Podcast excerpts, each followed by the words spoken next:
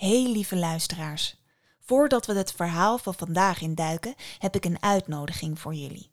Als je geboeid bent door de verhalen die we hier delen, dan wil je het jaarwiel van verhalen door tien wijze heksen zeker niet missen.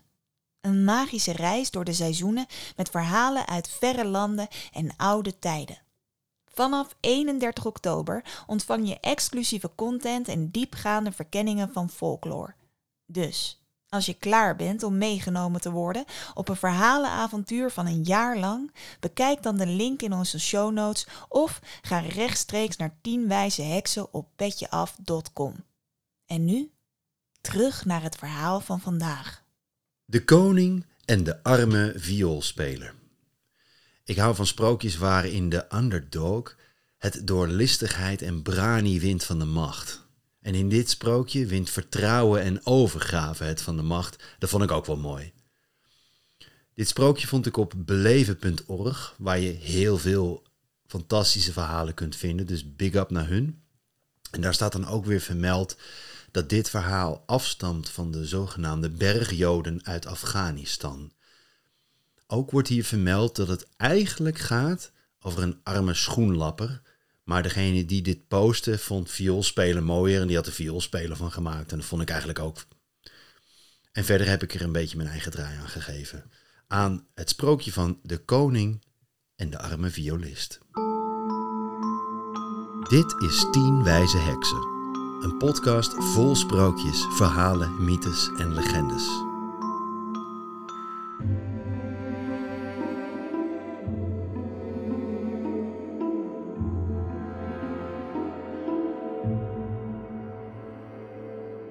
Er was eens een rijke koning. Een hele rijke koning. Een hele, hele, hele, hele, hele rijke koning. Hij had alles. Een land met paleizen, met prachtige tuinen, parken, waar hij doorheen kon rijden met koetsen, die werden getrokken door glanzende paarden.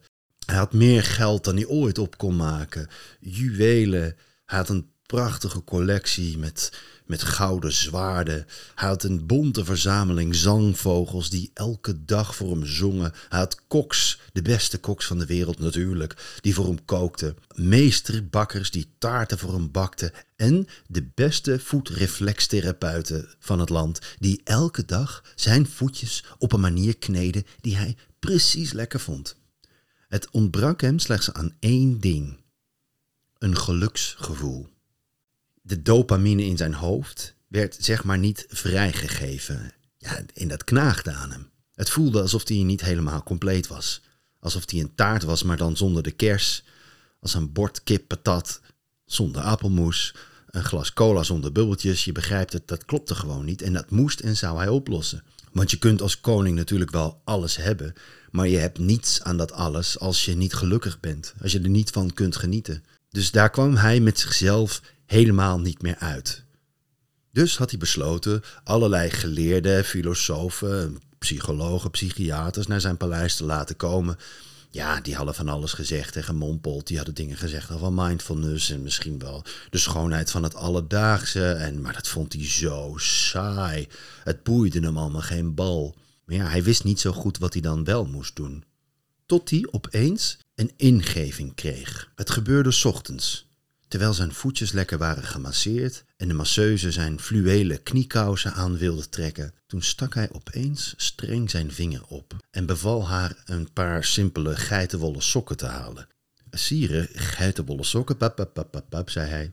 Ik wil geen tegenspraak, ik wil geitenwolle sokken, uh, zoals u wenst, sire.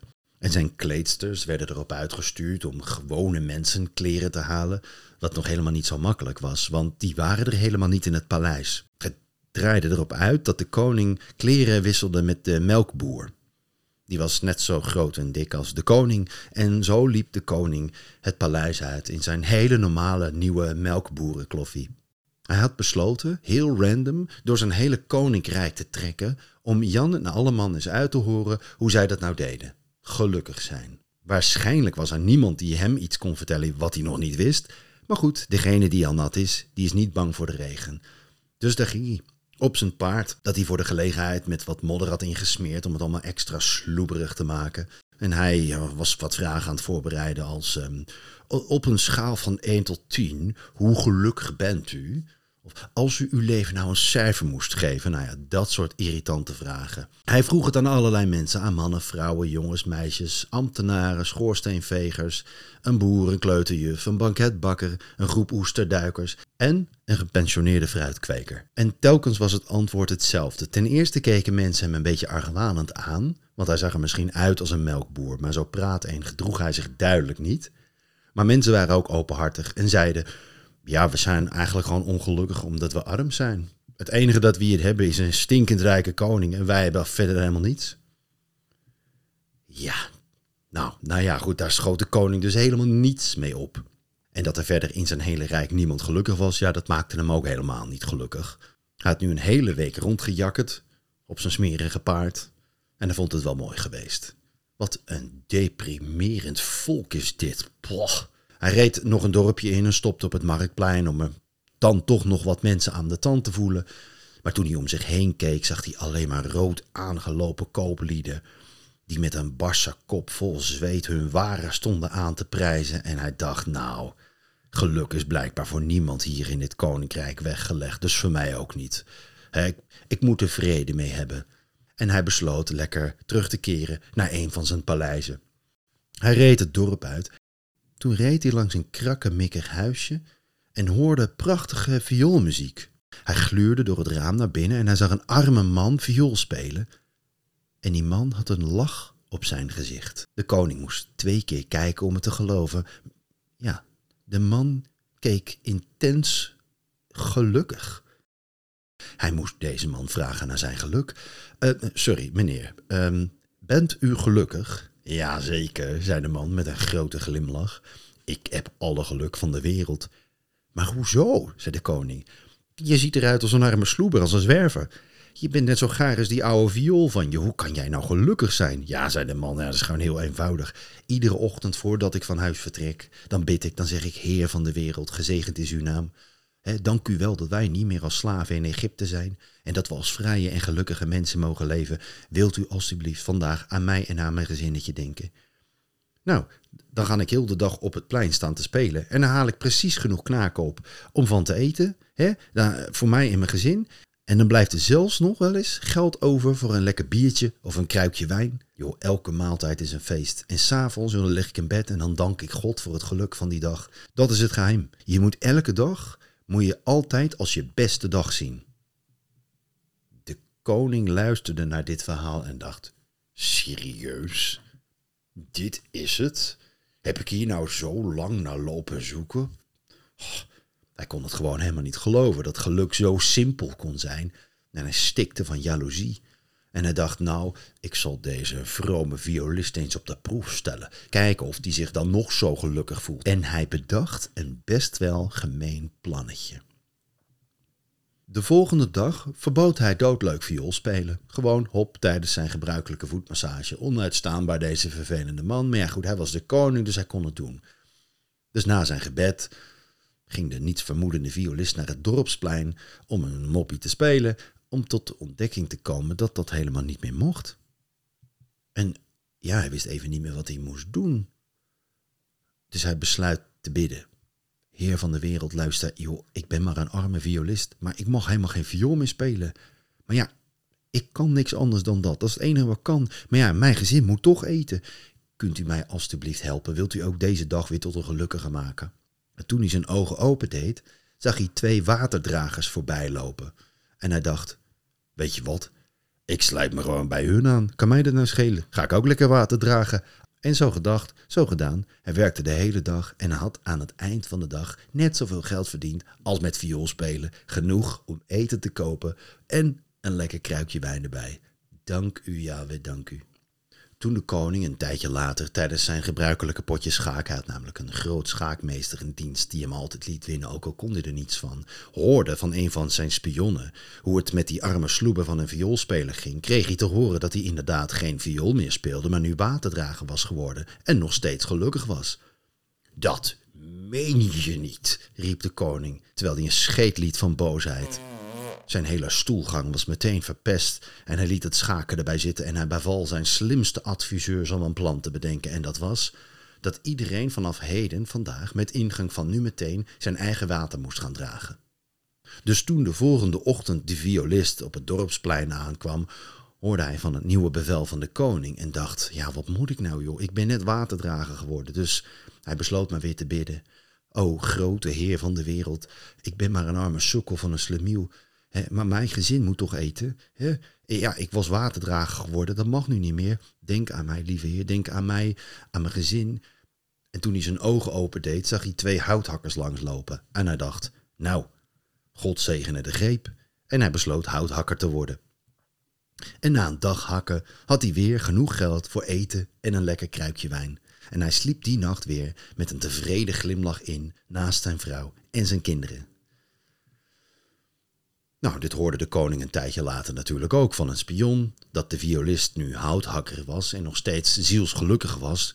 Nou, hij sprong bijna uit zijn hermelijnen mantel van ergernis en hij, hij verloor twee kiezen van het knarsen tanden.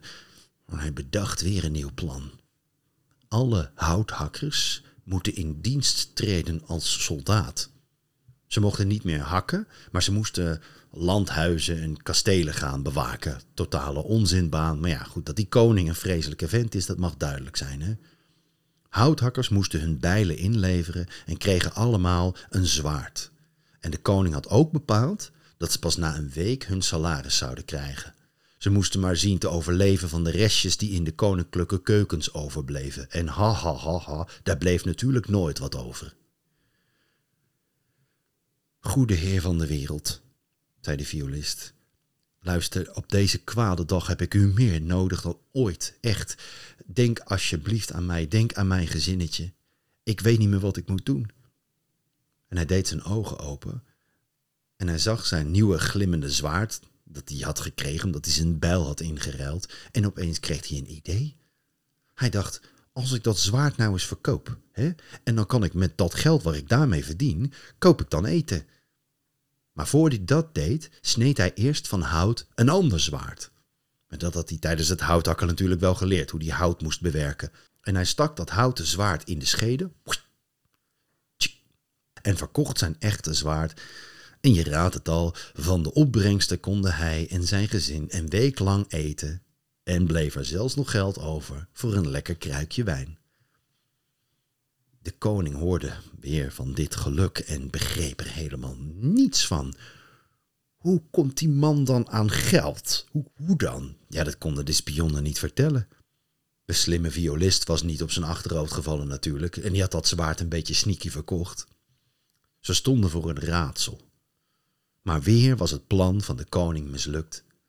En dit keer werd hij niet heet van woede, maar ijskoud van binnen. Er verscheen een duivelse blik in zijn ogen. Zijn adem ging er zelfs een beetje meer van stinken en hij liet een heel vies windje van pure tevredenheid. Want hij had een heel, heel, heel gemeen plan bedacht. Nu zou hij die violist eens een lesje leren. De koning had in zijn van endorfine gespeende hersenpan een kwaadaardig plan bedacht, want die dag zou er namelijk een executie plaatsvinden. Er was een andere violist en die had de regels overtreden door toch viool te spelen. Nou, die was gearresteerd en die zou vandaag onthoofd worden. En de koning had bedacht dat onze violist de beul moest zijn en dit vreselijke vonnis moest voltrekken.